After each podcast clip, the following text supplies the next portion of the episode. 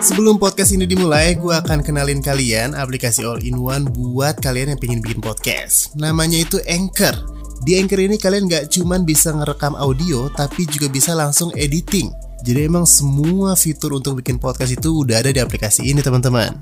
Nah, kalau podcast udah jadi, terus gimana nih distribusinya? Di Anchor ini semuanya bisa. Jadi kalau kalian pingin podcast kalian itu didengar banyak orang, Anchor ini bisa distribusiin podcast kalian ke berbagai podcast platform, kayak Spotify, Apple Podcast, dan lain-lain. Nah, terus gimana nih cara nyari aplikasinya? Anchor ini bisa kalian download di App Store ataupun Play Store, atau juga bisa dari website www.anchor.fm. Selamat bikin podcast!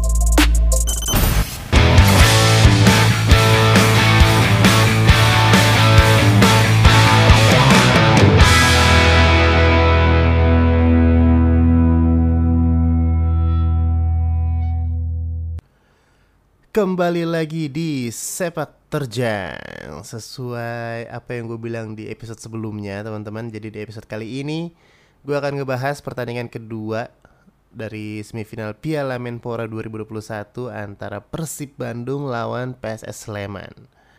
Untuk pertandingan ini kita mulai dari Persib dulu teman-teman ya. Persib ini lolos sebagai juara grup D Yang diisi sama Bali United Persiraja sama Persita Tangerang. Di match pertama, Persib lawan Bali ini bisa kita bilang permainannya sebenarnya seru banget ya. Sampai akhirnya itu pertandingannya harus berakhir imbang satu-satu lewat golnya William Pacheco sama Fred Butuan. Dua-dua gol ini tercipta di babak kedua karena memang uh, mungkin di babak pertama dua tim ini belum panas teman-teman ya. Namanya juga match pertama setelah sekian lama tidak bermain bola, tapi secara permainan hebatnya dua tim ini langsung sama-sama main ngotot, teman-teman. Dan apa yang udah dibikin Persib di match pertama itu terbawa di match kedua, di mana permainan mereka ini akhirnya semakin cair, semakin cair, semakin cair lagi. Dan mereka berhasil menang 1-3 dari Persita lewat golnya Esteban Vizcara, terus Freds Butuan lagi sama Ezra Willian.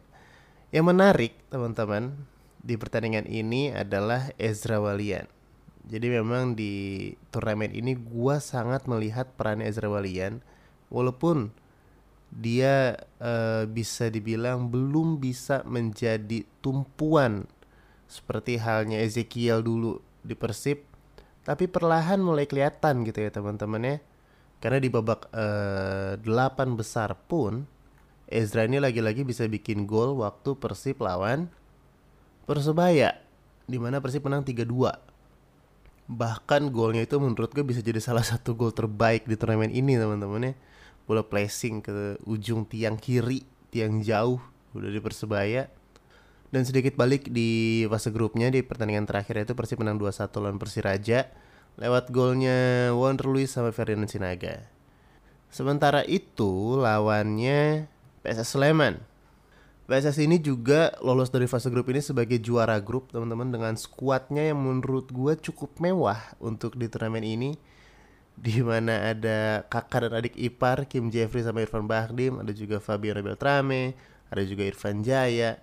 Menurut gue skuad ini cukup mumpuni untuk PSS bisa melaju jauh di turnamen ini. Makanya nggak heran dari awal gue pernah prediksi juga di sepak terjang episode keberapa gue lupa kalau PSS ini salah satu tim yang bisa melangkah jauh. Justru yang bikin gue kaget adalah Bayangkara yang justru nggak bisa melangkah terlalu jauh di turnamen ini teman-teman.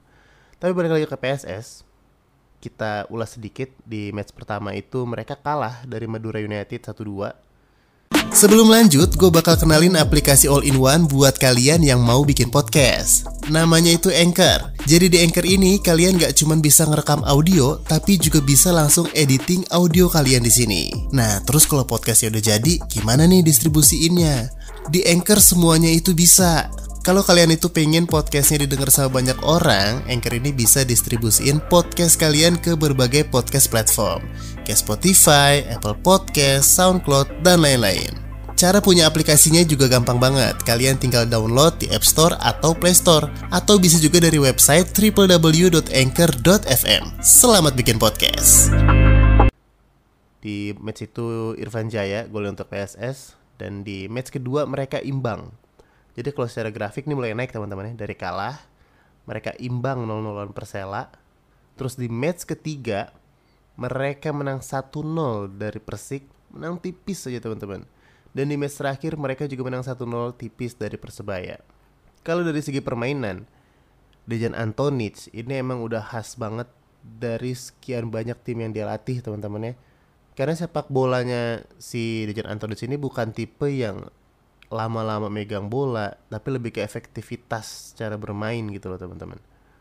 Makanya nggak heran PSS menang 1-0, 1-0 mereka imbang 0-0 bahkan di babak delapan besar pun lawan tim sekelas Bali United mereka berhasil nahan Bali tanpa gol dan akhirnya menang di babak adu penalti teman-teman. Nah ini yang harus diwaspadain sama Persib. Persib secara materi memang sedikit di atas PSS Sleman secara materi pemain dan secara gaya bermain pun Robert Rene Albert pastinya akan lebih meminta anak-anaknya dia ini untuk lebih memegang bola dan mengontrol permainan teman-teman ya. Karena memang mereka unggul dari segi materi pemain dan kalau mereka harus menunggu atau mereka membiarkan PSS yang megang bola itu yang akan sangat bahaya sebenarnya. Karena akan akan terasa sia-sia banget gitu materi pemain yang mereka punya yang cukup mewah menurut gue dan kalau kita lihat lagi dari beberapa pertandingan mereka di fase grup, dari gaya mainnya, dari performanya, menurut gue match ini kemungkinan akan mirip-mirip seperti PSS lawan Bali, teman-teman. Di babak delapan besar kemarin, jadi memang Persib akan lebih banyak megang bola, PSS yang akan sedikit nunggu. Tapi kalau misalnya Persib ini Nah yang gue bilang hati-hati menjadi blunder adalah biasanya pelatih di saat melawan tim yang secara materi pemain merasa ada di atasnya, si pelatih ini menjelang akhir-akhir pertandingan ini akan lebih ngepush teman-teman. Mainnya akan lebih ofensif. Nah ini yang harus diwaspadai nih sama Persib. Jangan sampai mereka ngelakuin itu karena bukan gak mungkin PSS Sleman ini bisa nyuri kesempatan sekecil apa pun di saat Persib main terlalu ofensif lewat counter attack-nya.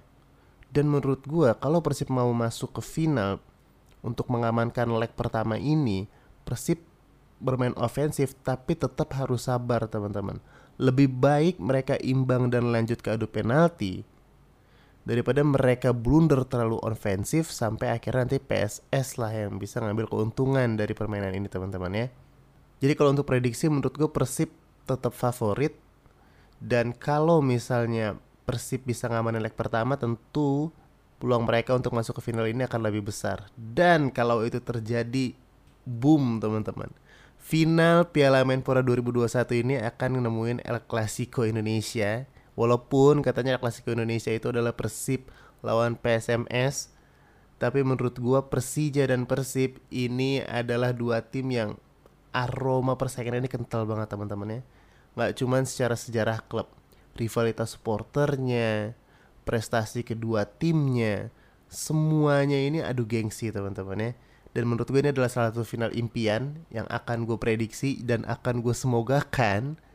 Bukan berarti gue tidak mendukung PSS Sleman dan juga PSM teman-teman ya. Tapi untuk sejauh ini secara materi pemain secara gaya bermain dua tim ini memang lagi kuat-kuatnya nih di turnamen ini Persija sama Persib. Tapi segala hal tetap bisa terjadi. Ini sepak bola teman-teman bukan matematika yang dihitung langsung ada hasilnya dan itu dia tadi prediksi gue. Nanti gue akan prediksi lagi tentang leg keduanya. Sampai ketemu lagi di episode selanjutnya.